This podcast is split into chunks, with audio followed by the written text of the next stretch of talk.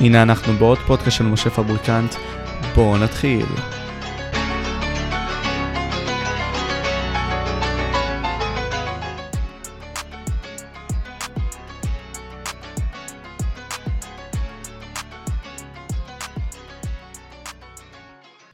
שלום לכל הצופים והצופות, אנחנו נמצאים בעוד פודקאסט מסוים שאני עושה לי היום. אה, מקווה שתהנו מהתוכן וכל מיני דברים כאלה.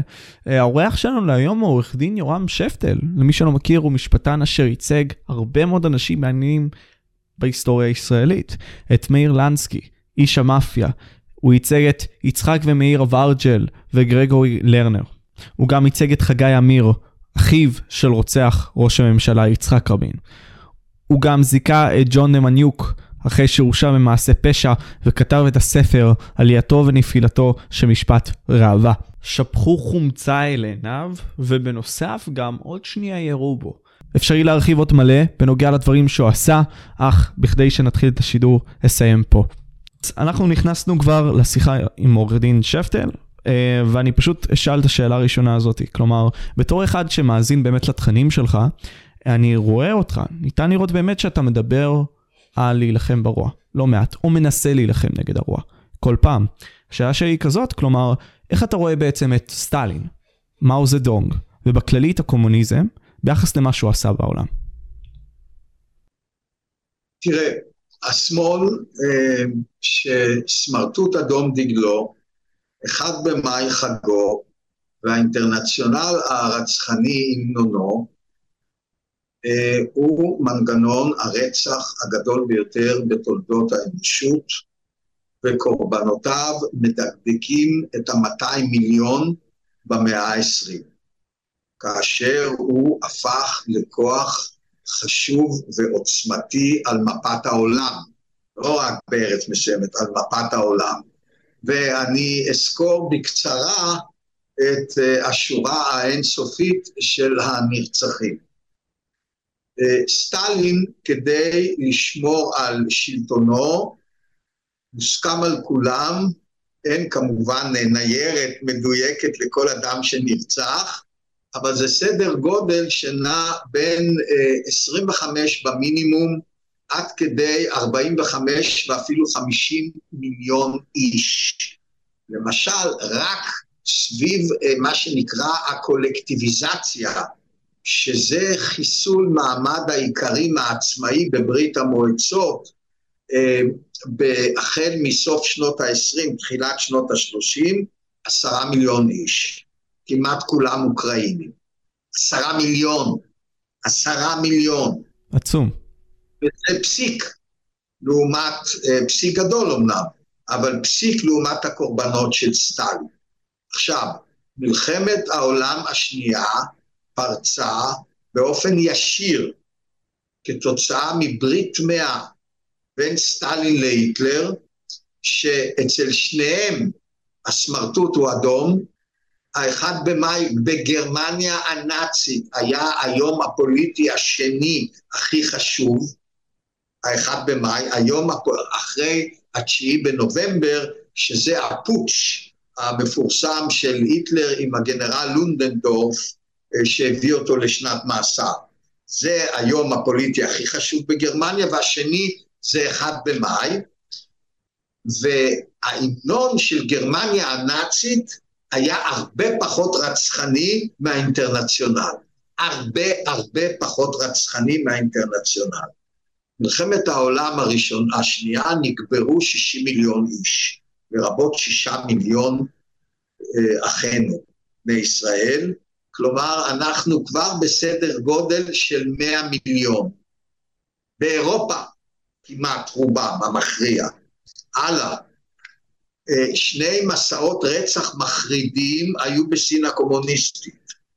הראשון, בשנת תשי"ח, 1958, הזינוק הגדול קדימה, The Great Leap Forward, סדר גודל של 40 מיליון נרצחים.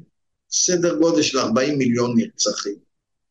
אה, שנים לא רבות לאחר מכן, בסך הכל שבע שנים, תאוות הרצח של מאו צטונג התעוררה שוב, הפעם המהפכה התרבותית, שהיא למעשה המהפכה הרצחנית, שהביאה לרצח של עשרות מיליונים. שוב, אין מספרים מדויקים, אבל זה מוערך בין 40 ל-60 מיליון.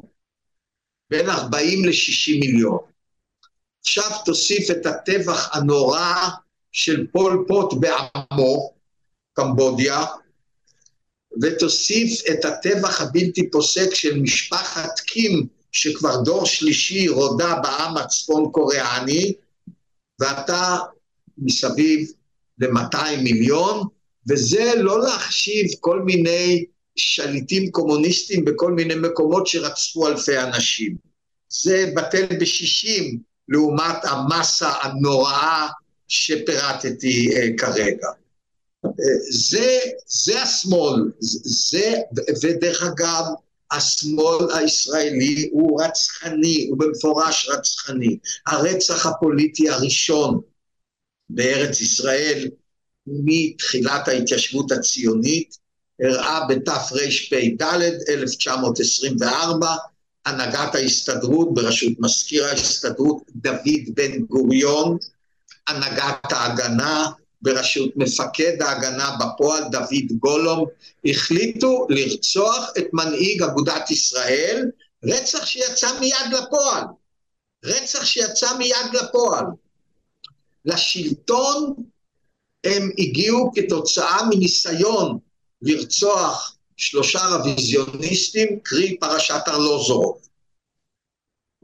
ב-48' בתש"ח, כשבגין עלה מן המחתרת, גלי הערצה שאפפו אותו היו בלתי נתפסים, כי כל מי שחי אז בארץ ישראל ידע שהוא, שלעולם לא עמדו לרשותו יותר מאלף לוחמים, גירש מפה, הביס שוק על ירך, צבא של 84 אלף בריטים. אה, והיה ברור, עם כל האחיזה החזקה ביותר שלהם בשלטון, של השמאל, שיש איש אחד שיש ממנו סכנה, והוא היחיד שיכול לסלק אותה מהשלטון.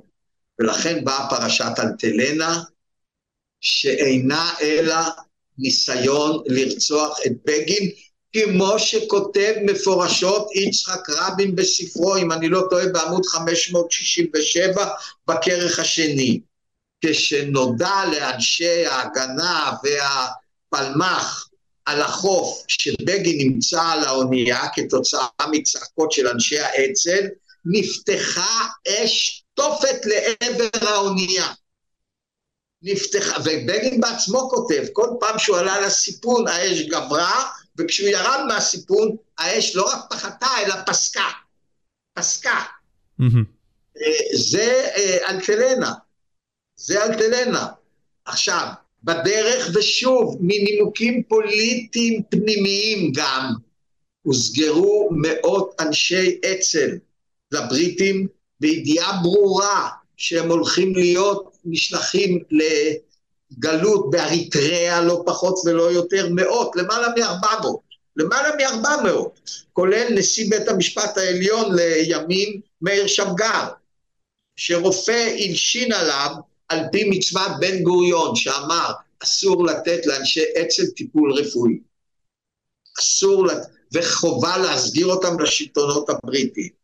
וזה לא רק בגלל השקר שהם יביאו לחיסול היישוב, וראינו איך הם הביאו לחיסול היישוב, אלא זה כדי לחסל את האצ"ל שהיה כוח פוליטי אדיר ביישוב.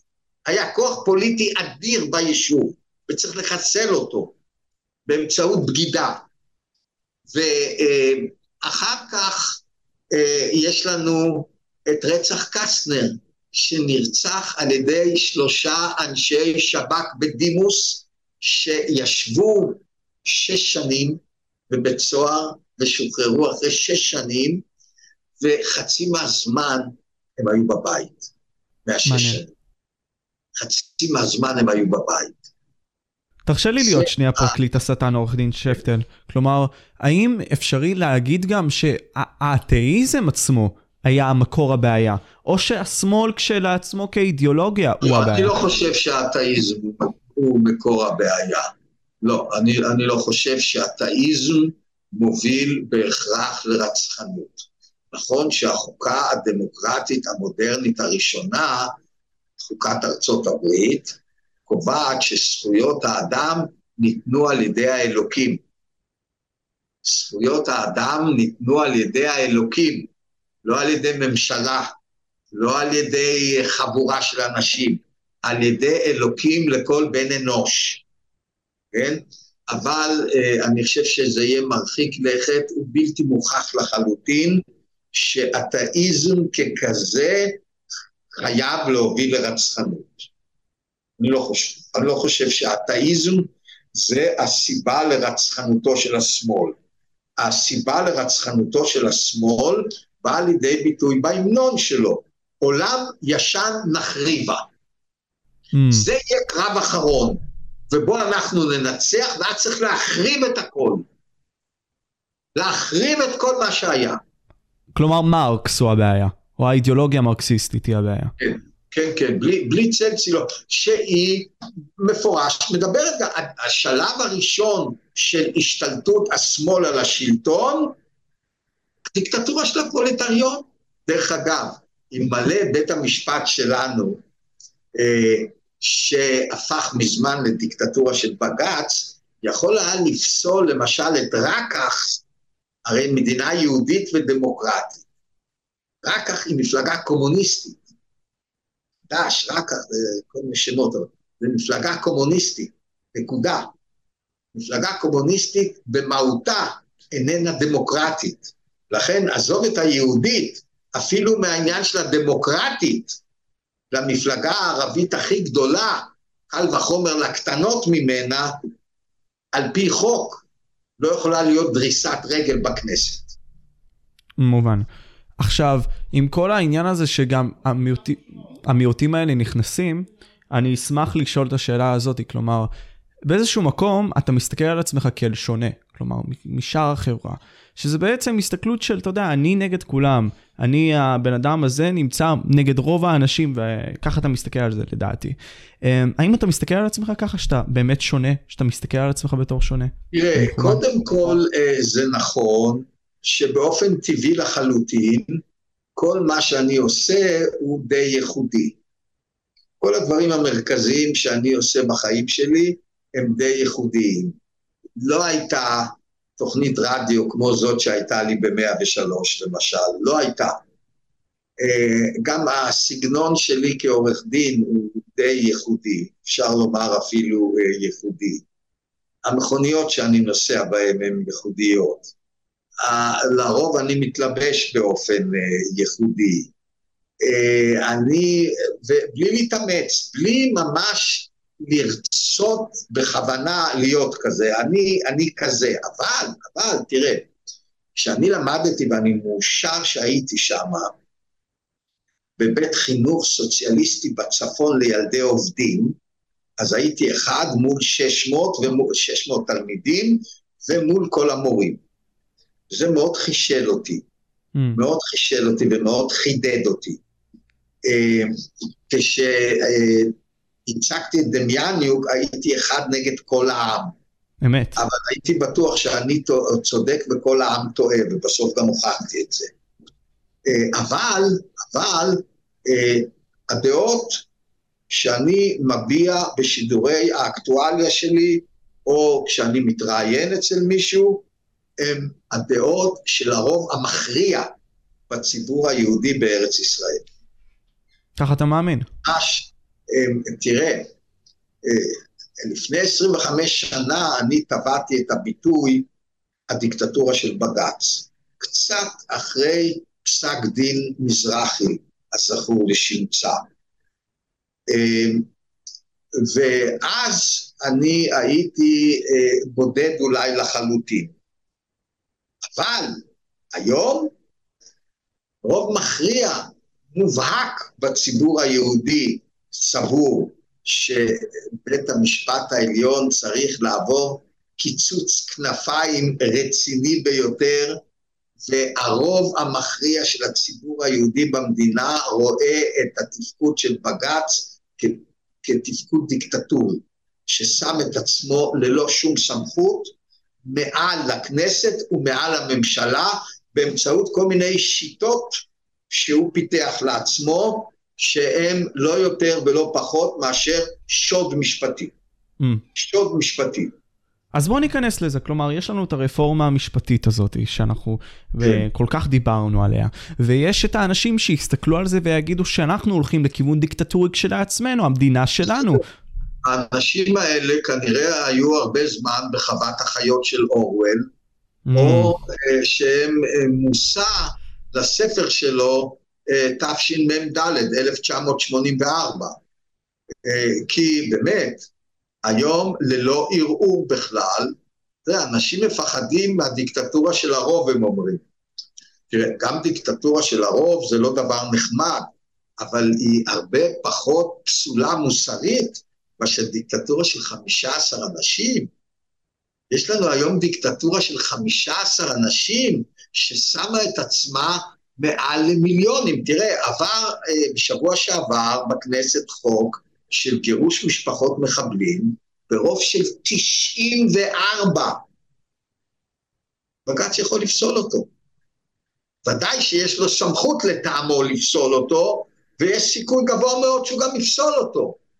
כלומר, אלה מדברים שם בבג"ץ שפסקת התגברות 61 זה, זה לא מספיק, אי אפשר ככה. הנה, עכשיו יש 94. ואף אחד לא יתקע כף שהוא בטוח שבג"ץ לא יפסול את זה. היועצת המשפטית אומרת שבג"ץ עשוי לפסול את זה. עלול כמובן, לא עשוי, עלול, כן? זה דיקטטורה. מי אתם בכלל? מאיפה יש את החוצפה לדון בתקפות של חוק שיש לגביו 94 רוב מתוך כנסת של 120, למעלה משלושת רבעי. אין אין שום נורמה משפטית, אין שום החלטה משפטית, פוליטית, אני לא מדבר תוצאות של משפט פלילי, זה משהו אחר, כן? התנהלות פוליטית מדינית של המדינה, שרוב של 94 לא יכול להתגבר עליה. בג"ץ לא מעניין. דרך אגב, לכן הרפורמה הנוכחית קודם כל שמחתי מאוד לשמוע אתמול שסוף סוף התקבלה דעתי. אסור בשום פנים ואופן, בנסיבות כלשהן, לתת לבית המשפט העליון לפסול חוק של הכנסת, למעט, וזה הוחלט כבר בתשכ"ט, וזה בסדר גמור, 69, חוק יסוד משוריין במספר.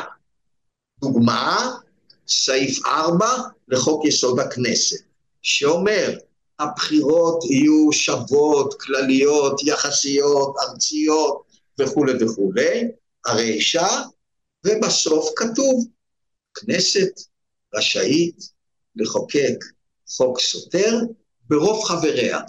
את זה צריך להכניס, סעיף כזה בדיוק, צריך להכניס לחוק יסוד כבוד האדם וחירותו, לחוק יסוד חופש העיסוק, שסעיף מאוד דומה קיים, אבל יש לו תוספות שצריך למחוק אותן. פשוט צריך להיות כתוב.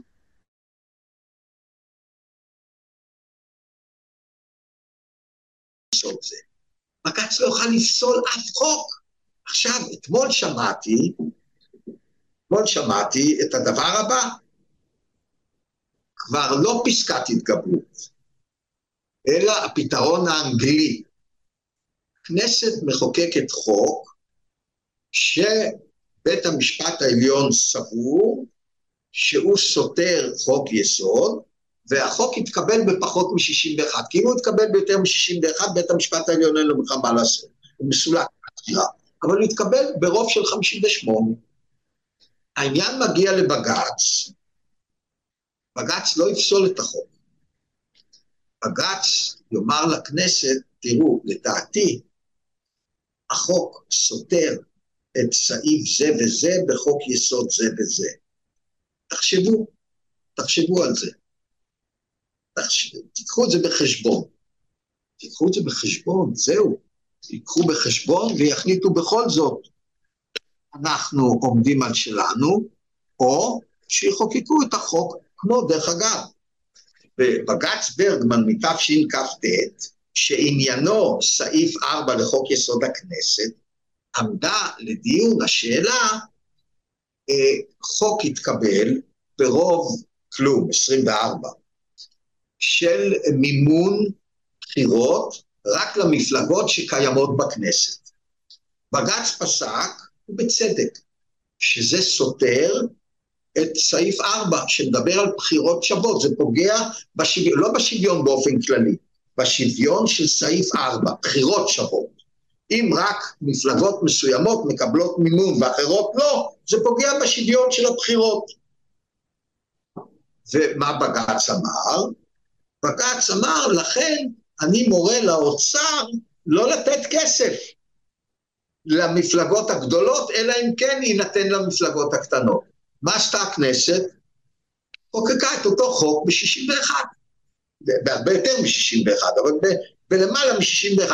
גמרנו, בית המשפט העליון סיים את תפקידו, אין לו מה להגיד יותר. עכשיו, אותו הדבר, אותו הדבר לגבי חוק שהתקבל, ובית המשפט סבור שהוא סותר.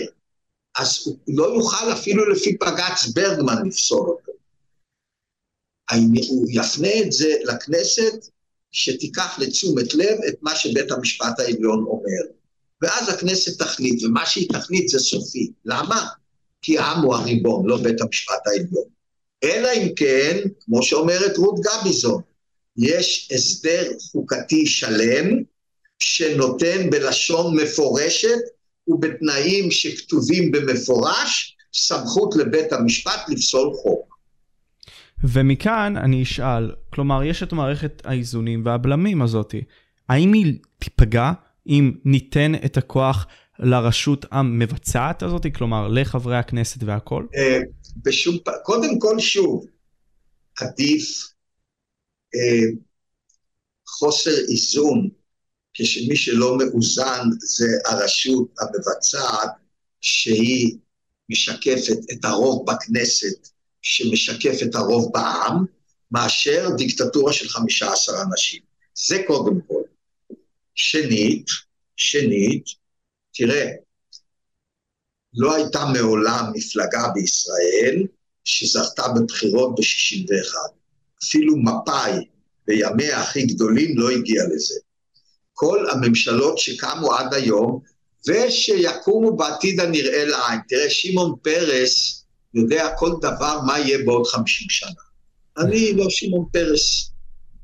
אז כשאני אומר בעתיד, אני תמיד אומר בעתיד הנראה לעין, כלומר, סדר גודל של חמש, עשר, חמש עשרה שנה.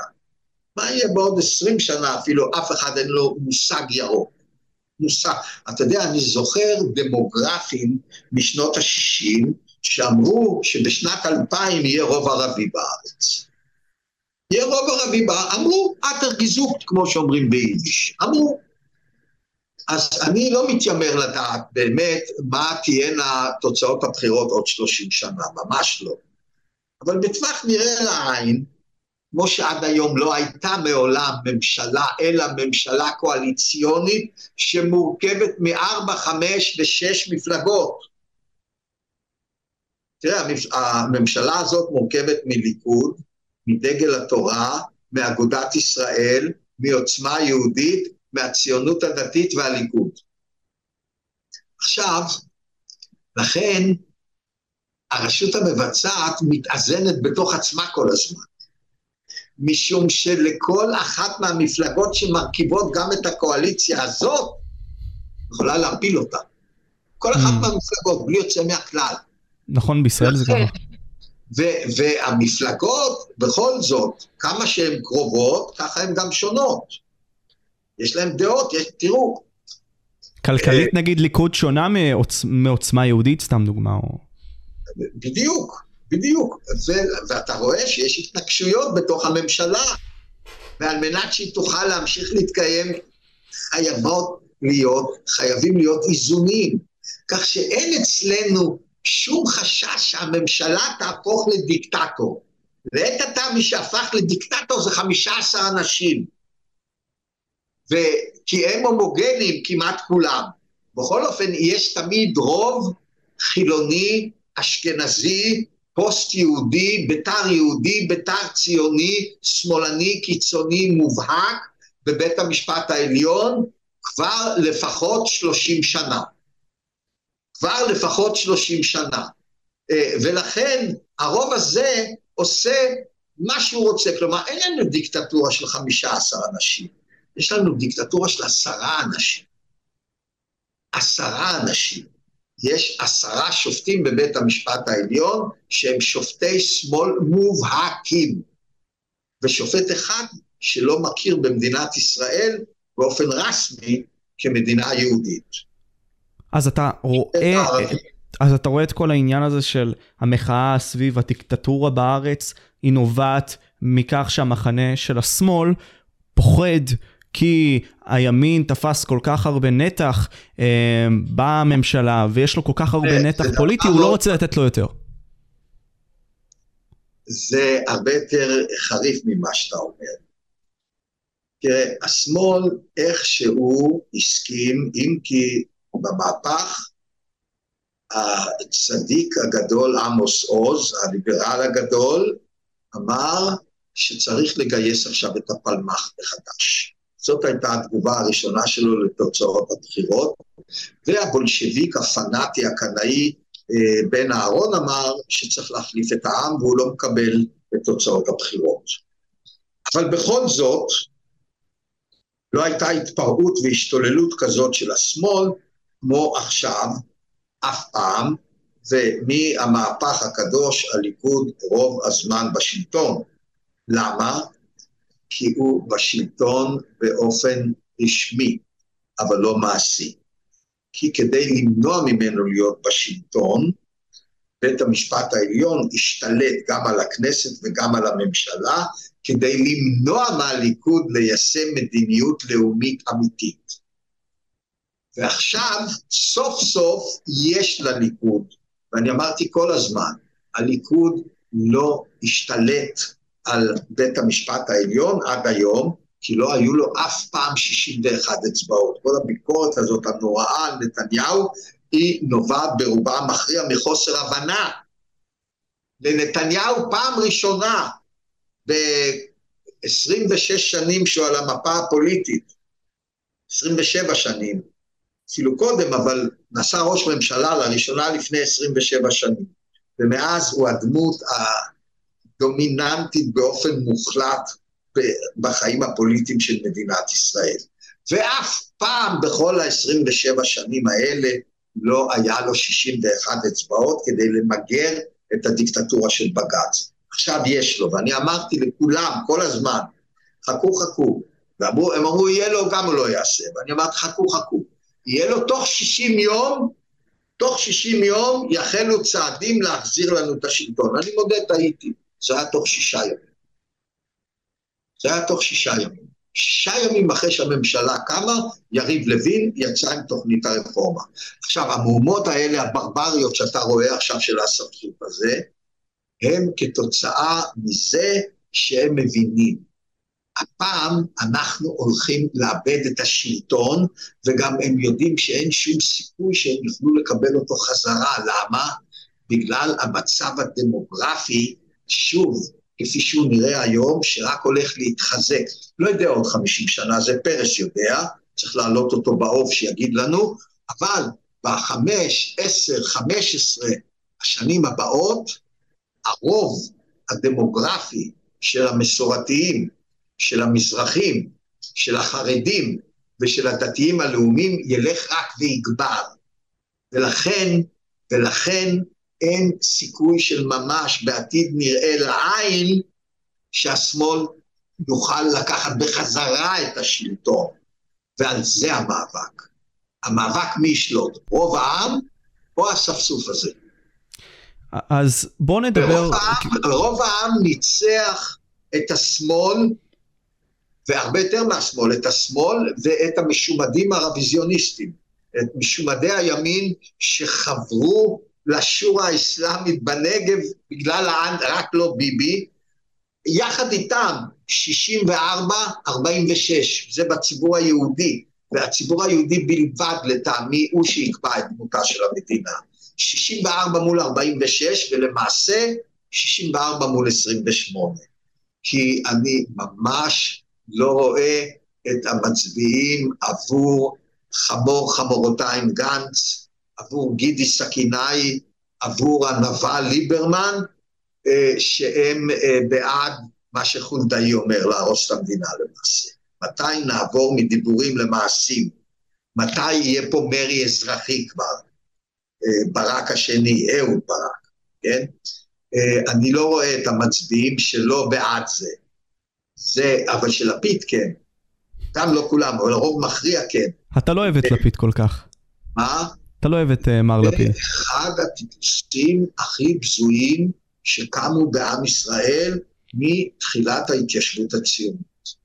אחד, איך שהוא חירף, היטף, לעג על המגורשים. איזה פה הוא פתח עליהם, איזה דיבור, איזה התייחסות. אויבי העם הוא עשה אותם, מוכי הגורל האלה. אויבי העם. ואיך אתה מסתכל על טומי לפיד? איך הוא היה דובר החמאס בפועל, בעניין של שליט, כן, צריך לשלם כל מחיר, בדיוק מה שהחמאס אומר. אתם תביאו כמה מחבלים שאני רוצה בשביל לקבל את שליט. אומר החמאס, מהדהד אותו שליט, אה, אל קאודיו, לפיד, כל יום שישי, כל יום שישי ללא יוצא מן הכלל, המהדורה נפתחת, צריך לשחרר כל מספר מחבלים שהוא כדי לשחרר את שליט. עד היום אתה לא מאמין בדבר הזה. פגע רע, פשוט פגע רע האיש הזה. שקרן פתולוגי, מושחת מכף רגל עד ראש, עומד על דוכן העדים, ונובח וצורח על ממשלת נתניהו-גנץ, 32 שרים, 32 שרים. איזה ממשלה מנופחת, איזה ממשלה מנופחת. ומה הוא עשה? הממשלה של uh, נתניהו, uh, גנץ, היו לה 75 ח"כים ו-32 שרים. הוא הקים ממשלה עם, לצורך שרים, 57 ח"כים. כי השורה האסלאמית לא מכירה במדינה, לכן היא לא הרשתה לח"כים שלה להיות שרים. אז היו רק 57 ח"כים אה, יכולים להיות שרים, 29, כמו הממשלה הנוכחית. והוא עמד וצרח, זה שחיתות, זה שחיתות. עכשיו, כשהוא הקים את הממשלה, אמרו לו, מה עשית? הוא אומר, לא הייתה לי ברירה. זאת אומרת, ונתניהו כן זאת אומרת, הוא אומר ככה, לי מותר לעשות מה שלהם אסור. מה שהם עושים, כשאני עושה אותו דבר מה שהם, אז אני עושה את זה כי לא הייתה לי ברירה, הם עושים את זה כי הם מושחתים. זה רמאי שפל מן ומושחת, זה שחיתות. לבוא ולומר על פלוני שעושה מעשה מסוים הוא שחיתות, וכשאתה עושה אותו זה לא שחיתות, זוהי השחיתות. אין שחיתות יותר גדולה מזה. ציבורית. ציבורית. ציינת את השם ברק. אני זוכר איך כן. כשנתניהו צלצל לבורלה, בורלה או לוריה, אה, מנכ"ל אה, פייזר, בורלה או לוריה, זה שני שמות ספרדיים קלאסיים של אה, יוצאי יוון, לכן אני מתבלבל ביניהם. אז לפיד אמר, אלברט בורלה. נתניהו הזניח את הנושא הזה, הוא יהיה 31 בתור. הוא יהיה 31 בתור. או האמירה שהרפורמה הזאת היא דיקטטורה, הרפורמה הזאת היא דיקטטורה? נניח שיש לנו מצב שבו הרוב ישלוט. זה זהב טהור, לעומת המצב שעשרה אנשים שולטים. מובן. כל סיסמאות, אתה לא תשמע ממנו שום נימוץ. או, מה? הממשלה הפוליטיקאים ימנו את השופטים? תראה לי מדינה שלא. כן, יש אחת, ארדואן, אצל ארדואן, דמוקרט הגדול. באיזה מדינה בעולם השופטים לא ממונים על ידי פוליטיקאים ועל ידיהם בלבד? ועל ידיהם בלבד. לבוא ולהגיד שזה דיקטטורה? או שחוות דעת של היועץ המשפטי אינה מחייבת, אלא היא עצה משפטית, כשמה כן הוא, כן היא. יש מדינה בעולם שחוות דעת של יועץ משפטי היא מחייבת? זה דיקטטורה?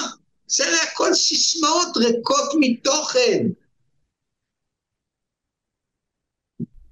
איך אתה מסתכל על אהרון ברק? כלומר, אה, ציינו את השם אה, ברק לפני כן, אמנם בקונטקסט מעט אחר, אך איך אתה מסתכל על הדמות הזאת?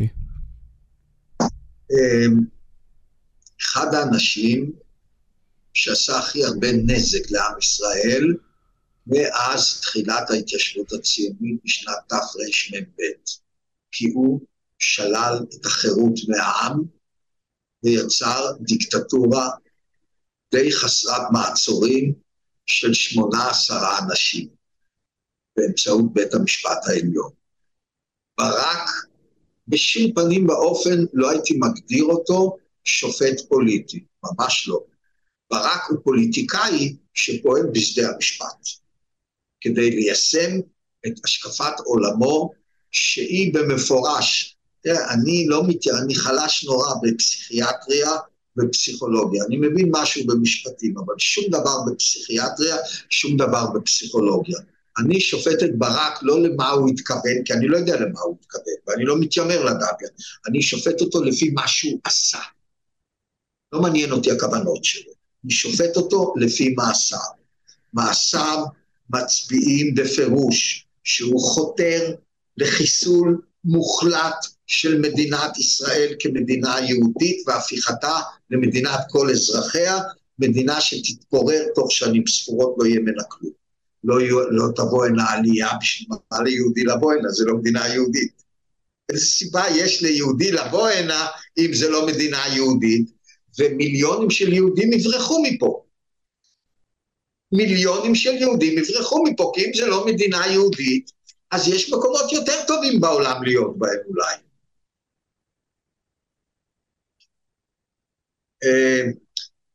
ולכן אה, ברק הוא אחד האנשים שגרם הכי, תראה, איזה דבר, הוא, הוא, הוא למעשה מפקד העליון של הצבא, איך אני יודע? הוא קובע מי יהיה רמטכ"ל. כשיש עתירה נגד מינויו של גלנט לתפקיד רמטכ"ל, אז הוא לא מוחק את העתירה על הסף בטענה שאני לא מוסמך למנות את הרמטכ"ל. זה הממשלה מוסמכת למנות רמטכ"ל, כן? לא, הוא דן, ומאחר ויודעים מה הוא יפסוק, אז היועץ המשפטי אומר לגלנט, תשמע, אתה חייב להסיר את המועמדות שלך. למה? אני לא הולך להגן עליך בבג"ץ. למה? כי בג"ץ לא ייתן לך להיות רמטכ"ל. כי בג"ץ לא ייתן לך להיות רמטכ"ל. עכשיו, ברק הוא בוודאי שראש הממשלה. מה התפקיד הכי מובהק של ראש ממשלה? להרכיב ממשלה, לקבוע מי יהיו השרים שלו. ברק אומר לו, אני אגיד לך מי יהיו השרים שלך. אתה רוצה שדרעי יהיה שר שלך? תשכח מזה. אני לא נותן לך. אני לא נותן לך. זה שעל פי חוק יסוד הוא יכול להיות שר, זה גם לא מעניין אותי. זה בעיניי לא סביר. אז אתה לא תהיה. ואני מורה לראש הממשלה לפטר אותו. אז מי ראש הממשלה? מי ראש הממשלה? הוא נותן הוראות לכנסת. מתי אפשר להצביע אי אמון? מתי אי אפשר להצביע אי אמון? מתי אפשר להסיר חסינות? מתי אי אפשר להסיר חסינות? אה, יושב ראש הכנסת יוכל אה, לכהן עד מועד כזה של הכנסת היוצאת, שמתחיל גם להיות יושב ראש הכנסת הנכנסת, עד מועד כזה, עד מועד אחר, זה לא, זה מה שאתם קבעתם זה כלום, אני אקבע. אני אקבע. אה, וכמובן, אתם יכולים לחוקק איזה חוקים שאתם רוצים. אלה מהם שיקבלו תוקף של חוק, זה לא אתם תקבעו, זה אני אקבע. זה דיקטטורה חסרת מעצורים, ששולטת לחלוטין על ה... תראה, זה לא רק בהחלטות כאלה. שר האוצר, כחלון, רצה להפחית את המס על טבק בתפזורת לעומת המס על סיגריות. בא בית המשפט העליון, באים הדיקטטורים של בג"ץ, ואומרים לו ככה, תראה, זה שאתה שר אוצר ומוסמך לקבוע מכסים על מוצרים שונים, זה יפה מאוד, אבל זה הכל שטויות, אני קובע. אני אקבע מה אתה יכול ומה אתה לא יכול לעשות בענייני מכס, ולדעתי זה פגיעה בשוויון. כלומר, עכשיו יש כבר שוויון לא רק בין אנשים, אלא יש גם שוויון בין טבק. הלכת השוויון חלה לא רק בין אנשים, אלא בין סוגים שונים של טבק. וזה פוגע בשוויון של הטבק. כי יש טבק כזה ויש טבק אחר, ושניהם, אה, אי אפשר להפלות בין טבקים. זה לא ככה, כן? ולכן אדון כחלון, תסלח לי, באמת, אתה קבעת את זה, אבל זה לא מעניין אותי בכלל, זה סותר את השוויון, וחוץ מזה זה גם בלתי סביר, ככה מהצד, זה גם בלתי סביר, וזהו. עכשיו, מה הכי מעניין? כחלון לא יכול להיות מיוצג בדיון. למה? הדיקטטורה של בג"ץ קבעה, כשהיועץ המשפטי אומר משהו, והשר מתנגד, אז לא רק שהשר מחויב, הוא אפילו לא יכול לבוא לטעון בבית המשפט. אסור לו לבוא לטעון בבית המשפט. כלומר, שלילת ייצוג משפטי. זה כבר דיקטטורה עם נגיעות סטליניסטיות. זה כבר דיקטטורה עם נגיעות סטליניסטיות, קשות וחמורות מאין כמותן. אז בוא ניקח את זה, כלומר, איך נוצרה, אני משתמש בכינוי שלך, הדיקטטורה של בג"ץ, איך היא באמת נוצרה בכמה נגיעות? פשוט מאוד, יש לה ארבע יסודות. היסוד הראשון, הכל חייב להיות שפיט. הכל כלול במשפט. בית המשפט קבע את זה, מפי ברק. הכל שפיט. כל דבר נכלא במשפט, ושים לב, הכל נאמר במטרה להשתלט על החיים הפוליטיים, כי ברק שאומר את זה, אומר את הדבר הבא: כל עניין פוליטי ללא יוצא מן הכלל הוא עניין משפטי. מי שאומר העניין היה פוליטי ולכן אינו משפטי, אני מצטט מילה במילה, מערב מין בשאינו מינו. כל עניין פוליטי הוא עניין משפטי. כלומר, השלב הראשון, אני יכול לשפוט בכל דבר. ואז נשאלת השאלה, כן, אבל מי יביא לי את המשפטים? מי, יביא את העניין לפניי? צריך לבטל את זכות העמידה. מה אומרת זכות העמידה? אדם יכול לעתור לבג"ץ רק אם הוא יכול להראות שמהמעשה השלטוני הוא נפגע פגיעה שמוכרת בחוק כפגיעה שמזכה בפיצוי, בסעד. וככה הגיע ג'ינג'י לבית המשפט העליון. ככה הגיע ג'ינג'י, עותר ציבורי. הוא אף, אין עתירה אחת שהוא יכול היה להצביע על נזק שנגרם לו, או לעמותה שלו לחיסול הדמוקרטיה, שהוא קורא לה לאיכות השלטון. בפועל זה, זה צמד. ברק את הג'ינג'י שווה דיקטטורה של בג"ץ. זה מביא כל עניין, וברק כבר פסק שהוא יכול לפסוק בכל עניין. זה שני היסודות הראשונים. עכשיו יש את, היז... אה, אה, את הבסיס אה, השלישי, היסוד השלישי. בסדר, עכשיו הג'ינג'י יכול להביא לי כל דבר. עכשיו כל דבר הוא שפיט, כל, כל דבר פוליטי אני יכול לשפוט. כן, אבל לפי איזה משפט אני אשפוט? סבירות. אני פשוט מאוד. פעם יכולתי לפסול מעשים של השלטון אם הם היו בחריגה מסמכות, אם הם היו בלתי חוקיים, אם הם נגדו את זכות השימוע, החלטה התקבלה בלי לתת שימוע לנפגע כתוצאה מההחלטה הזאת. אה, אם כתוצאה מזה שהם לא נעשו למטרה שלשמה הגוף שקיבל את ההחלטה קיים. אלה היו הדברים שבג"ץ יכול היה לפסול את מעשה השלטון, ככה זה בכל העולם. ברק אומר לעצמו, כן, אבל אם ככה לא עשיתי כלום. בסדר, אני יכול לשפוט בכל עניין, הג'ינג'י יביא לי כל עניין פוליטי, אבל מה אני אעשה? לפי ארבעת הדברים האלה אני לא אוכל לפסול שום מעשה שלטוני כמעט. בואו נעשה משהו חדש, סבירות. סבירות. כל מה שלא סביר בעיני... עכשיו, יש פה גם נכלוליות לא מעטה. מה אומר ברק? אני לא קובע מה פקיד הציבור או השר צריך לעשות, אני לא, לא מחליף את דעתי בדעתו, לא. אני רק קובע מה השר הסביר, או הפקיד הסביר צריך לעשות, או ראש הממשלה הסביר. כן, בסדר, יופי, אתה נהדר ברק, אתה ממש יוצא מן הכלל. אממה, אני מחליט מה השר הסביר צריך לעשות. אני מחליט מה ראש הממשלה הסביר צריך לעשות. אני מחליט מה הפקיד הסביר צריך לעשות. אתה מבין? אני לא מחליט, אני, זה לא אני, זה ההוא, הסביר ההוא. אבל מי קובע מה, זה, מה הסביר ההוא, איך הסבירות שלו נמדדת? אני קובע. אני קובע. אז יש לנו כבר שלושה יסודות של הדיקטטורה. זה השתלטות מוחלטת על הרשות המבצעת. אבל אצל דיקטטורים, תמיד המאפיין כל דיקטטור, שהוא לא יודע לעצור. עוד ועוד ועוד ועוד. נשאר המעוז האחרון של הדמוקרטיה, חוקים של הכנסת. גם את זה אני יכול לפסול. גם את זה אני יכול לפסול. אלה ארבעת היסודות של הדיקטטורה של בג"ץ. ביטול זכות העמידה, ביטול עיקרון אי השפיטות, הכל שפיט.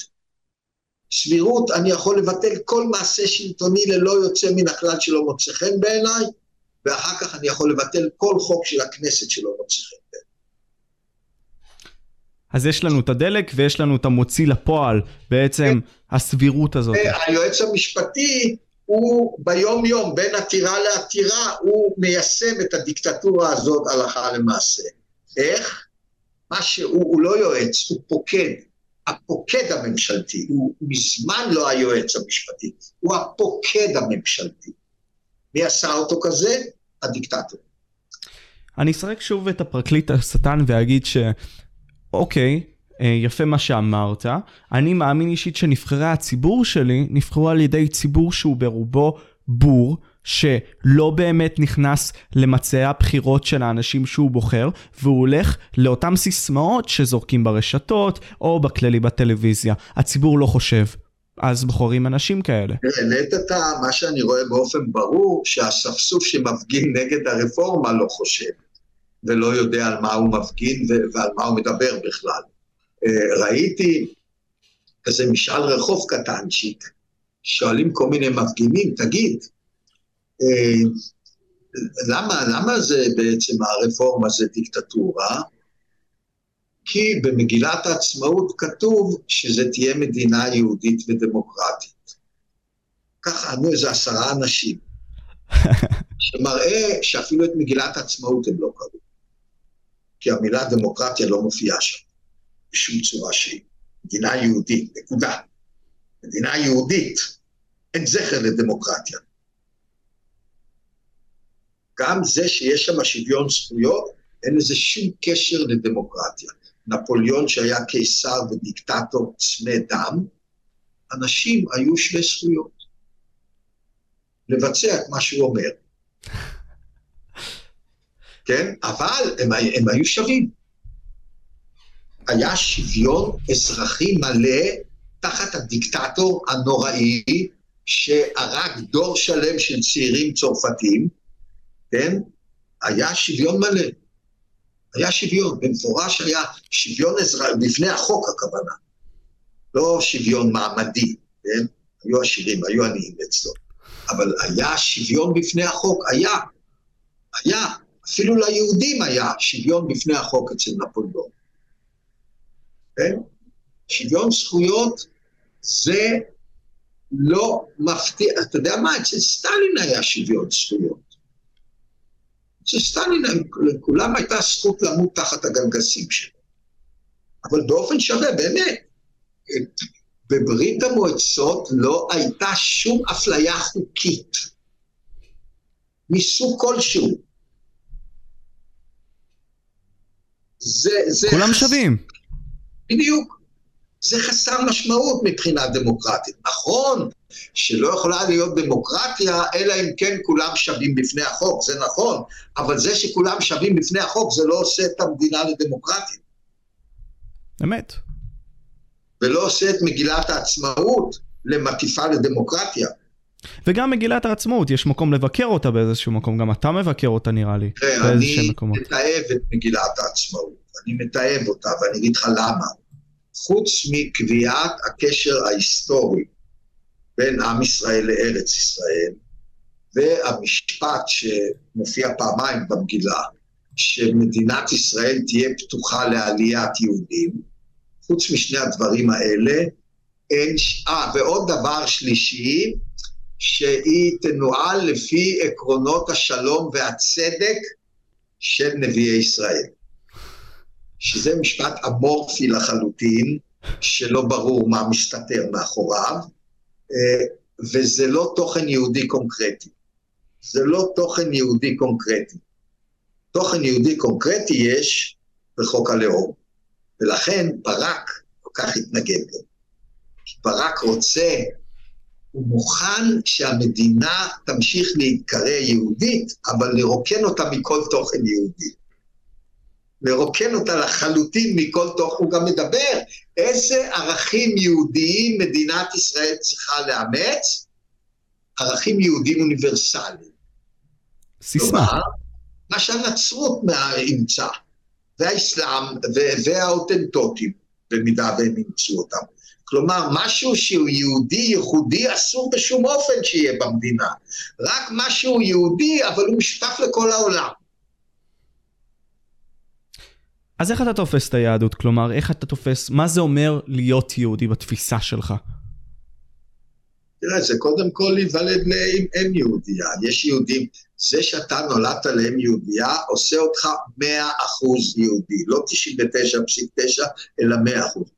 אבל יש המון יהודים שונאי עמם, שונאי ארצם, שונאי מולדתם. למשל, יש עכשיו שלושה יהודונים בזויים שמנהלים את מדיניות החוץ של ארצות הברית.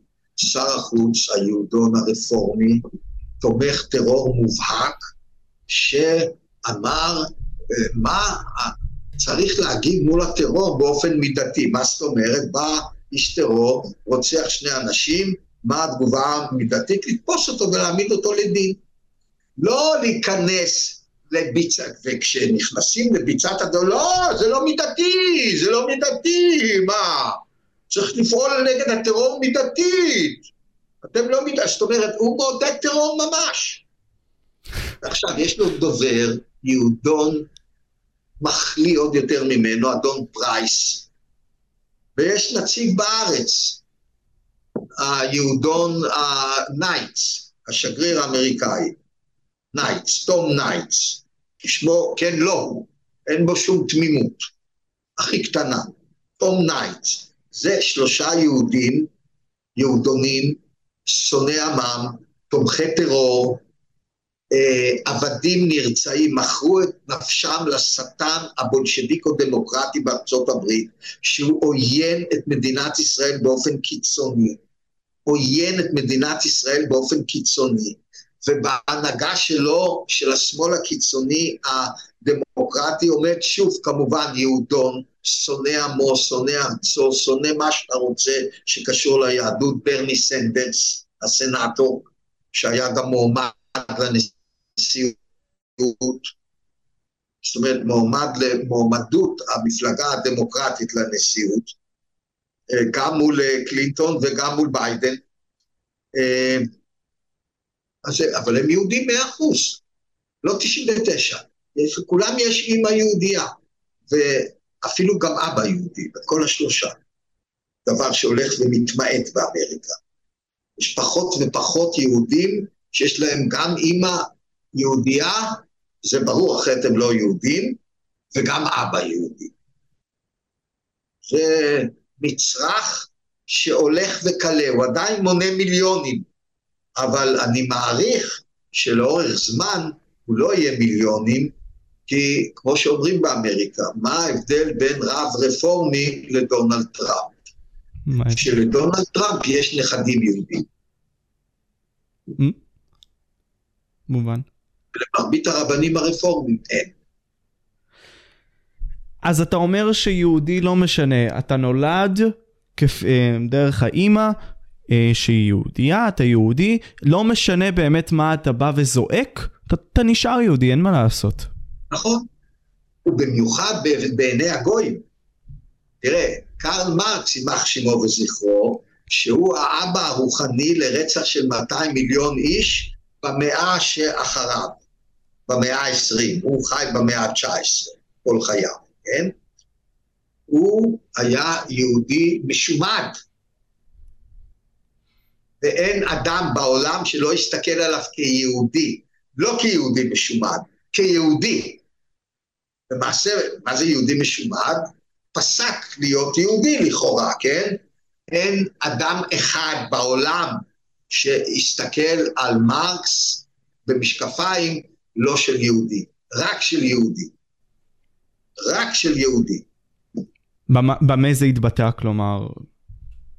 שכל ההתייח, כל הביקורת כלפיו הייתה ברובה המכריע אנטישמית גם, תוך אזכור חוזר ונשנה שזה לא רלוונטי לחלוטין לזה שהוא יהודי, ותדע לך, שקרל מרקס היה מגדולי שונאי עם ישראל בעידן המודרני. הוא היה עורך עיתון שנקרא נויה ריינישה צייטונג, עיתון הריין החדש, בשנים אה, תר"ח, תר"ט, שזה 1848-1849, אביב העמים. ושם הייתה הטפה אנטישמית קיצונית פנאטית, תוך כדי הגדרתם של היהודים המסורתיים בפולין כיצור הכי נאלח עלי אדמות. היהודי הפולני הוא היצור הכי נאלח עלי אדמות. ככה. בקלות נכנס לדורשטורמר ולפולקישר באוביכטר, הביטונים הנאצים. בקלות המון מאמרים על יהודים, על יהדות, בנויה ריינישה צייטונג, נכנס ישר, בלי שום תחנות ביניים, לספרות הנאצית, לעיתונות הנאצית, לתקשורת הנאצית. האיש היה שטוף בשנאת ישראל כלפי עמו ברמות שלא תתוארנה, ותמיד אמר, הפתרון לבעיה היהודית זה התבוללות. כלומר, היעלמות היהדות. לא היה באותה תקופה, אבל נאצים, כאילו, חשוב לציין. לא, לא, לא, לא, לא, לא, אבל אני אומר לך שהסגנון, כן. השנאה שלו לעם ישראל, כן, היא ברמות של הנאצים, ושניהם דיברו על פתרון סופי, על השמדה מוחלטת של היהדות. נכון. כאשר אצל היטלר זה השמדה פיזית, ואצלו זה השמדה עצמית כתוצאה מנישואי תערובת. נכון. עכשיו, דיברנו על יהודים טיפה, הזכרנו גם את מרקס, שהיה יהודי, אך בהכרח, באמת פסק, כמו שאתה אומר, מלהיות יהודי. אה, בוא נדבר על הישראלי. מי הוא מבחינתך הישראלי בארץ? מה זה אומר בעצם להיות הישראלי? תראה, ישראלי זה אה, יהודי שחי בארץ. שמרכז חייו המוחלט הוא בארץ, זה לא אומר שישראלי מפסיק להיות ישראלי אם הוא נוסע בשליחות לשנתיים לניו יורק. נמצא, גם כשהוא בניו יורק הוא ישראלי, כי הוא לשיטתו נמצא שם באופן זמני בלבד. לעומת זאת, בעיניי, ישראלי שיצא מהארץ ואין לו שום כוונה לחזור, ברגע יציאתו פסק מלהיות ישראלי. אה, ישראלי, אני מוכן לקבל תחת ישראלי את כל יהודי מדינת ישראל, את הדרוזים במדינת ישראל ואת הערבים במדינת ישראל שמשרתים בצבא. מבחן שלא יהודי להיות ישראלי זה שירות בצה"ל. הנכונות למות למען מדינת ישראל כמדינה יהודית. לקחת בנטל. נכון. לכן, לדעתי, כל דרוזי הוא ישראלי במאת האחוזים. בדיוק כמוני. בדיוק כמוני. אבל, אבל, יש בכל זאת הבדל, וההבדל הוא שמדינת ישראל היא מדינת לאום של העם היהודי ושלו בלבד. ושלו ניקח בלבד. את- ניקח את זה עכשיו, אנחנו לא מדינה יהודית דרוזית, אנחנו מדינה יהודית. נקודה. ואני אה, מלא הערכה והערצה לעדה הדרוזית שמתגייסת לצה"ל, הבנים, באחוזים יותר גבוהים מאשר היהודים. באחוזים יותר, אני מלא הערצה, כן? אבל המדינה היא לא מדינה יהודית דרוזית, מדינה יהודית. והדרוזים הם בעלי בריתנו הנהדרים, המקסימים, ואני תמיד אומר, גוי שמשרת בצה"ל, כל דבר שהמדינה נותנת ומגיע לו, צריך לקבל בין חמישה לעשרה אחוז יותר כאות הערכה. כאות הערכה. בהחלט כן. אבל המדינה לעולם תישאר מדינה יהודית. וההמנון שלה יהיה ההמנון הנוכחי, והדגל שלה יהיה הדגל הנוכחי. והתכנים שלה יהיו יהודיים. דיברנו על הערבים הללו, כלומר דיברת דווקא על הערבים ששירתו או ישרתו בצה"ל, כאנשים שאנחנו יכולים להסתכל עליהם כישראלים, אך נסתכל על הנגזרת השנייה שהיא לא כזאתי, והיא לא הולכת לשרת בצה"ל, איך אתה מסתכל נניח על אותם אוכלוסייה ערבית שלא משרתת בצה"ל, אך מחשיבה את עצמה כישראלית, או מסתכלת על עצמה. אם היא מוסלמית, לא, קודם כל הם לא מחשיבים את עצמם ישראלים, הם מחשיבים את עצמם אזרחי ישראל. אזרחי לא ישראל. הם לא ישראלים, לשיטתם. לשיטתם הם מוסלמים פלסטינים.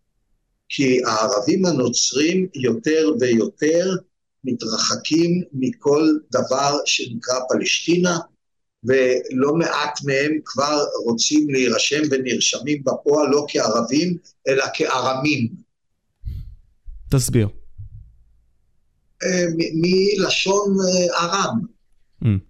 כי הם, אה, יש דברים, למשל המרונים, שפת התפילה שלהם היא, היא, היא דומה מאוד לעברית. היא דומה מאוד, זה סוג כזה, זה גם לא בדיוק ארמית. זה, זה שפה שמית מאוד מאוד דומה לעברית, והם בשום אופן לא רואים את עצמם כערבים, הנוצרים המרונים. זה העלבון הכי גדול שאתה יכול להגיד לנוצרי מרוני שהוא ערבי. מה שלא מנע מנוצרי מרוני כמו סלים ג'ובראן להיות סוכן של הלאומנות הערבית הקיצונית הפנאטית בשבתו בבית המשפט העליון. הוא עם אקדח מול הרקה לא ישאיר לך התקווה. כי זוהי אמונתו. לא, אין קשר, זה המנון המדינה. זה המנון המדינה.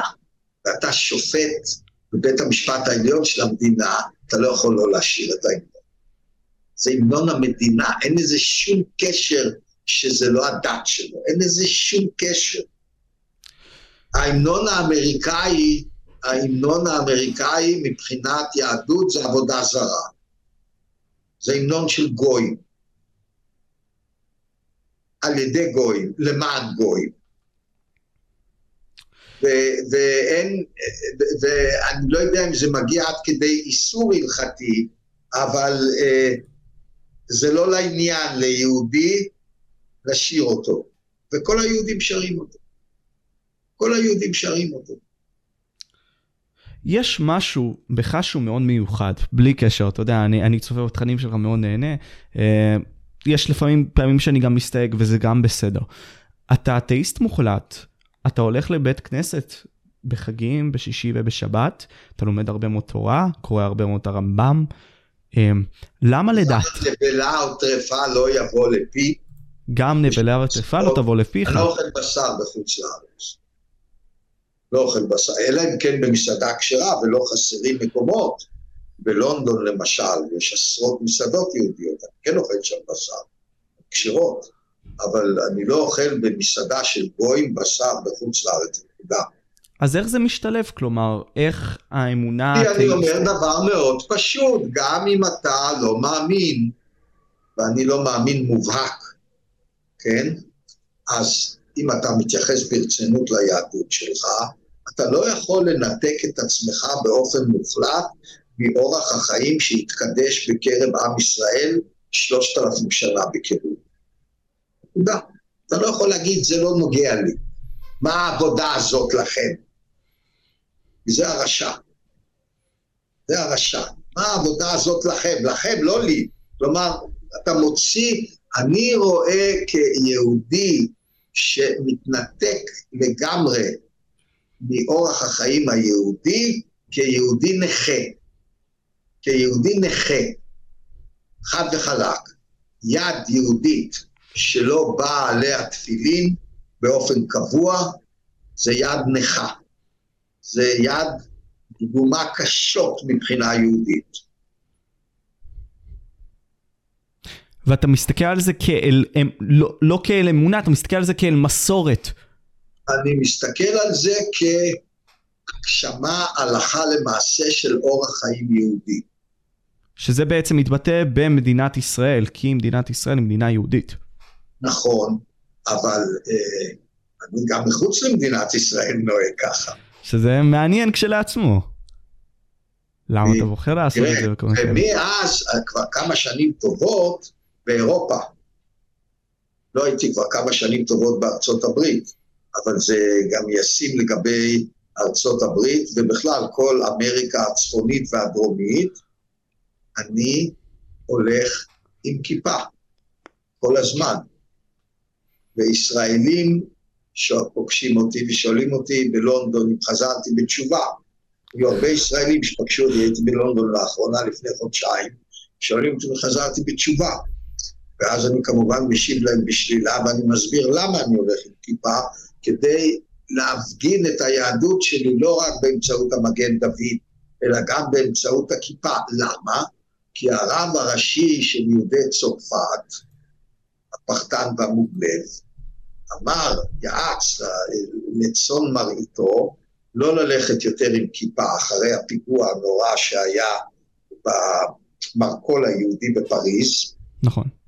היפר כשר נדמה לי קראו לו. אה, לא ללכת עם כיפה, ללכת עם כובע. לא ללכת עם כיפה. מאז אני החלטתי, אני לא דורך יותר בחיים באירופה בלי כיפה. בחיים.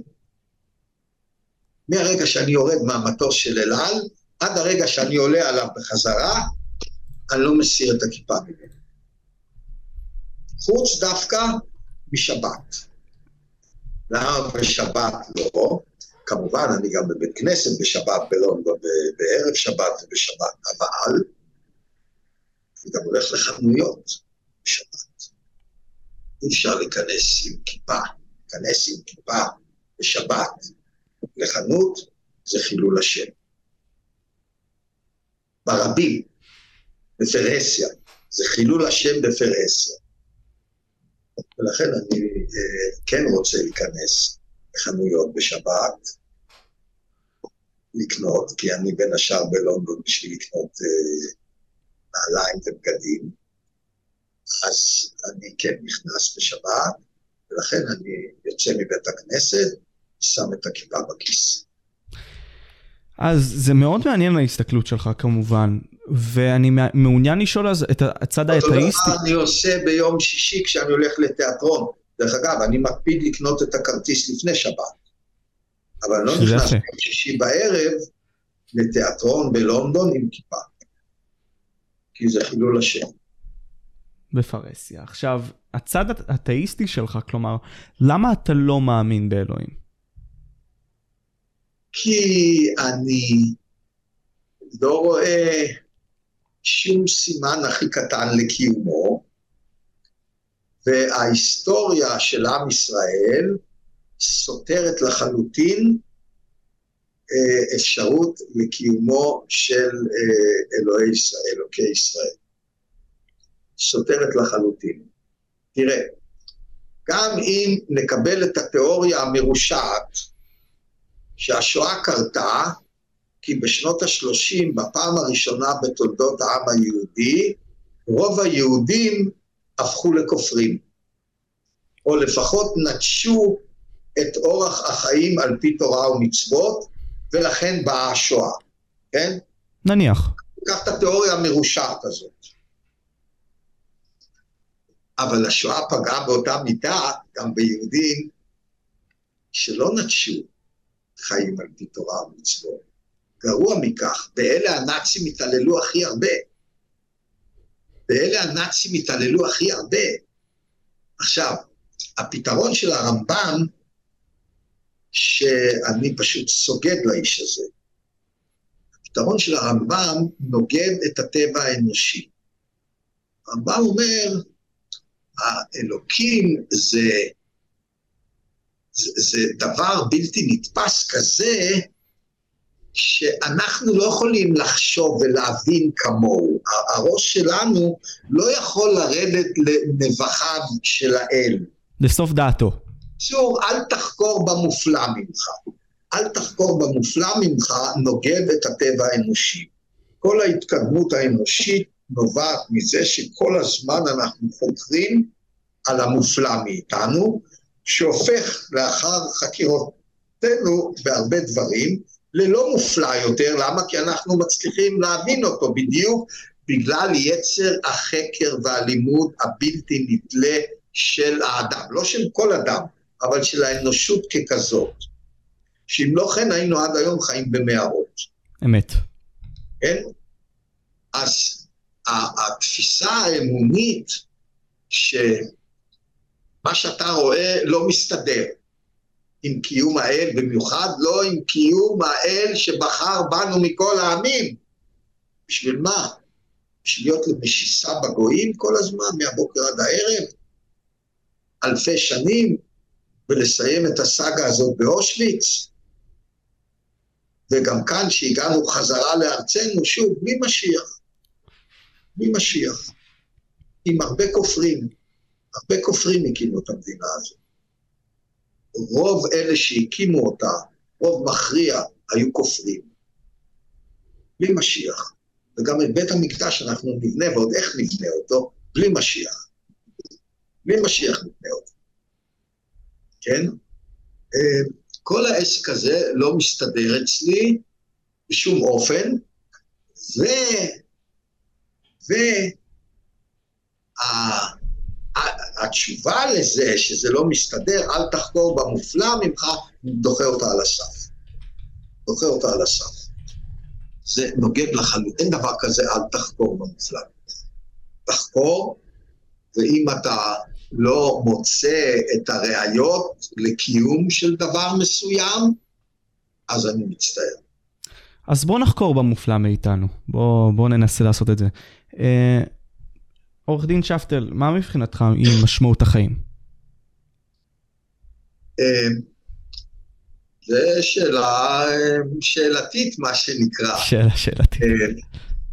לא, לא ברור אם לחיים באמת יש משמעות, כי אין להם תוחלת. כלומר, בעל כורחך אתה נולד, בעל כורחך אתה חי, ובעל כורחך אתה מת. זה אמיתות מוחלטות. שוב, יש חריגים, יש אנשים ששמים קץ לחייהם, בסדר, אבל זה, זה יוצא מן הכלל שרק מוכיח את הכלל. כי כולנו רוצים לחיות גם במצבים לא טובים. בעל כורחך אתה חי, כי יש את עוצמת החיות בחיים. הרצון לחיות זה חלק מטבע האדם, הרצון לחיות, חוסר הרצון למות. ואם אתה נולד בעל כורחך, ומת בעל כורחך, וחי בעל כורחך, אז uh, יש שאלה גדולה, מה, מה התכלית, מה המשמעות uh, של החיים. יש uh, שאלה מאוד, שאלה שאין אין לי, לי בדיוק תשובה עליה.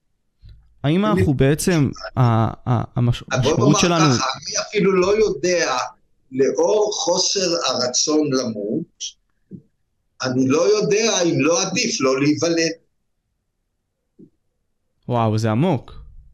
אני לא בטוח שלא עדיף לא להיוולד, אז אין לך את הייסורים של זה שאתה יודע שאתה הולך להיעלם, ושוב, אני לא מאמין באופן מוחלט בעולם שקיים אה, לא בגיהנום ולא בגן עדן, באופן טוטאלי, מוחלט. כן. בעיניי אין גיהנום, אין גן עדן. כן. פשוט אין. יש ריק. נכון. אדוני, עם כל הכבוד, תסתכל על חתול מת, זה אותו דבר כשבן אדם מת. בן אדם מת וחתול מת, אין ביניהם שום הבדל. בחיים יש הבדל ענק. במוות, אותו דבר. אותו דבר, חתיכת בשר שהולך, שתלך ותיעלם כמובן עם הזמן, ואחרי זה גם העצמות ילכו ויעלמו וכולי. אין, כלום אין. שום דבר. אז השאלה שלי כזאת, אולי, אולי עצם העובדה שאנחנו נולדים לעולם, אנחנו נולדנו להשפיע באיזשהו מקום על העולם, לא בצורה אפילו, אתה יודע, פיזית של השפעה. השאלה לשם מה? הרי בסופו של דבר... כי עצם הפעולה שנולדנו היא השפעתית. זה, זה נכון, זה נכון, אבל אני, אני אומר, לדעתי הדבר המכריע הוא שאין לך שום שליטה על הלידה שלך, וב-99.99 גם לא על מותך. וזה שני המאורעות הכי גדולים בחיים. אמת. שניהם אין לך שום שליטה. כן? אז uh, סימן שאלה גדול, האם עדיף להיוולד או לא להיוולד? אבל אין לך מודעות, כלומר, בשלב הזה של הלא להיוולד, אז השאלה הזאת היא בכלל לא אמורה להעסיק את הבן אדם הזה שלא לא נולד. לא, לא, לא, לא, היא מעסיקה אותי, האם, האם לא עדיף שלא הייתי נולד? בכיוון הזה אני מדבר. האם לא עדיף בכלל? ואז לא היה לי את הצער הזה שאני הולך להסתלק מפה. והמחשבה הזאת, אתה יודע, של להסתלק מפה, כלומר, אתה, אתה בן אדם שלא מפחד מכלום, כלומר, באיזשהו מקום לדעתי... לא, אני בטח שלא מפחד מהמוות, אבל אני לא רוצה אותו. אני לא מפחד מהמוות, אני יודע בדיוק, אני מסתכל על חתול מת ברחוב, אני יודע, אני אהיה בדיוק ברגע שאני אמות, אני הופך להיות בדיוק כמו החתול הזה. ולא יהיו לי שום ייסורי גיהנום, ואני לא אשב עם משה רבנו בגן עדן. כן? לכן אין, אין פה עניין של פחד מהמה, הוא בלתי נמנע. אה, תראה, ואצל חלק מאוד ניכר מהאנשים הוא בא בלי ייסורים מיוחדים. מעבר לייסורים שאתה הולך למות ואתה יודע את זה, כן? כלומר, הסטרס הזה של הסיפור. פיזיים. אני מדבר על ייסורים פיזיים, חלק גדול מאוד מהאנשים מתים בלי ייסורים פיזיים, כן? אז uh, שאלה גדולה מאוד. שאלה גדולה מאוד, שאין לי, לי תשובה עליה. אין לי ממש תשובה עליה. עורך דין שפטל, כלומר, במהלך הקריירה שלך, אתה יודע, עברת כל כך הרבה דברים, ניסו לראות בך, זרקו עליך חומצה, הרבה מאוד דברים, גם, אתה יודע, כל כך הרבה אנשים היו נגדך בכמה שלבים מהחיים שלך. אני מעוניין לשאול, איך כן, לא... אבל, אבל איך זה אף פעם לא... רגע, רגע, כדי uh, ש... שהדברים יהיו כמות ש... תשמע, אני נוסע ארבע פעמים ביום בתחבורה ציבורית. ברכבת מקיסריה לסבידור, באוטובוס מסבידור למשרד, באוטובוס מהמשרד לסבידור, וברכבת מסבידור לקיסריה. ולכן אני פוגש כמות גדולה ביותר של אנשים כל יום. ואין יום שלא ניגשים אליי עשרות אנשים, אני לא מגזים, עשרות אנשים כל יום לעשות איתי סלפי. אין ספק. כן? אז אה, שזה יהיה ברור, אה, אני היום מבטא גם בשיחה איתך, אני לא מדבר על האתאיזם, אני מוציא את זה בצד, חוץ מהאתאיזם, אני היום מבטא את דעתו של הרוב המכריע של העם היהודי היושב בציון. הרוב המכריע, לפחות, לפחות, כמו הרוב שבבחירות האחרונות, 64-46. לדעתי יותר גדול. לא, אין ספק, אין ספק שאתה בן אדם ש... כבודו במקומו מונח. לא, ומצד שני, היו תקופות שהייתי מאוד מאוד שנוא. אני, אני מכיר בזה, ולמשל, התקופה שהייתי הכי שנוא זה בתקופת משפט דמיאניוק, ואני אומר לך שוב, חד משמעית, ההחלטה הכי חכמה, הכי נבונה שקיבלתי בחיים שלי, להיכנס לתיק הזה כסנגור. ההחלטה הכי נבונה, הכי חכמה שקיבלתי בימי חיי. אז בוא נדבר על התקופות האלה, כלומר, כשזה נראה שהכל נגדך. מה, כן. כלומר, איך אתה לא מפחד? איך הדברים האלה לא מטרידים אותך במחשבה? כלומר, אתה נראית כל הזמן בן אדם שלא ניתן לך. תמיד כשכולם נגדי, אני בטוח אז הכי הרבה שאני צודק וכולם טועים. כפי שהוכח גם. כפי שגם הוכח. תראה, אני זוכר, אני, כשהייתי נער, מאוד רציתי אה, להיות חבר כנסת. תחת מפקד האצ"ל, שהיה אז בשיא שנותיו. ואני רוצה, אז אני מתכונן לקראת זה. אז במסגרת ההכנות שלי אה, להיות חבר כנסת מטעם תנועת החירות, נסעתי כמתנדב, אני בכיתה ט' סיימתי את לימודיי, אה, נסעתי כמתנדב לקיבוץ איילת השחר, למה? כדי ללמוד את האויב האדום מבפנים. ככה. כש... וגם שם הייתי אחד מול כל הקיבוץ. לא הסתרתי לרגע למה אני בא ו... ומה הם דעותיי. כשעזבתי, שאל אותי חירות לפיד, שלפעמים, לימים היה משחרר האסירים של ישראלים שאסורים וכלואים בחוץ לארץ וכולי. הוא היה מורה בתיכון. הוא גם הזמין אותי לתת אה, הרצאה לפני שאני עוזב, לפני כל תלמידי התיכון של אה, איילת השחר. ובסוף שאל אותי, תגיד, שפטל, מה למדת כאן בזמן שאתה היית? תשובתי הייתה כזאת, הכל רקוב אצלכם. ועוד עשר שנים, תוך עשר שנים, אתם מסולקים מהשלטון.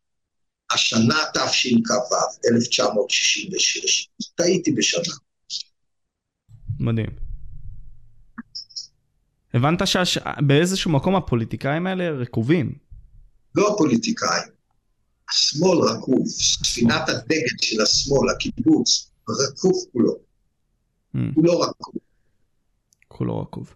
ואם הוא כולו רקוב, אז כל העסק הוא רקוב, וסופו של ריקבון לעבור מן העולם. בתקווה שיהיו אנשים שינקו את הריקבון. בסדר, אבל זו, זו, זה מה שלמדתי באיילת השח.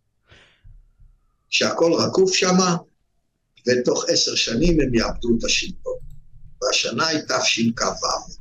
הם איבדו את השלטון בתשל"ז. עורך דין שפטל, אני אשאל עוד שתי שאלות קצרות. כלומר, איך אתה משאיר את עצמך עדיין מאוד חד בדברים שאתה אומר? אתה זוכר ופולט לי תאריכים משמאל ומימין. כלומר, איך אתה משאיר את עצמך חד במחשבה שלך? כי אני כל הזמן מעסיק את הראש. כי אני לא מתכוון לצאת לפנסיה בחיים. כי אני חושב שאדם חייב להיות פעיל בגופו ובמוחו כל הזמן. אני הבוקר רצתי שבעה קילומטר ב-42 דקות, ואני בן 74, בקצב של עשרה קילומטר בשעה. זה מדהים. אה, ואני כל הזמן עובד בראש. לא רק בעבודה, אה, תראה, אתה מפעיל את הראש גם כשאתה מתראיין, אתה מפעיל את הראש כשאתה אה, עושה תוכנית רדיו, טלוויזיה. נכון. כן, הראש פעיל כל הזמן, הגוף פעיל כל הזמן. והגוף מתקשר לראש גם. זה. מה? הגוף מתקשר לראש. כלומר... בדיוק, בדיוק. נכון, אחד מזין את השני, אה, ואני חושב שזאת התשובה. להשיג את עצמך כל הזמן. כלומר, זה, זה גם מה שמשאיר אותנו בחיים באיזשהו מקום, ההעסקה הזאת, עצם העובדה שתמיד יש לנו משהו מול העיניים, ש... בזווית העין שלנו.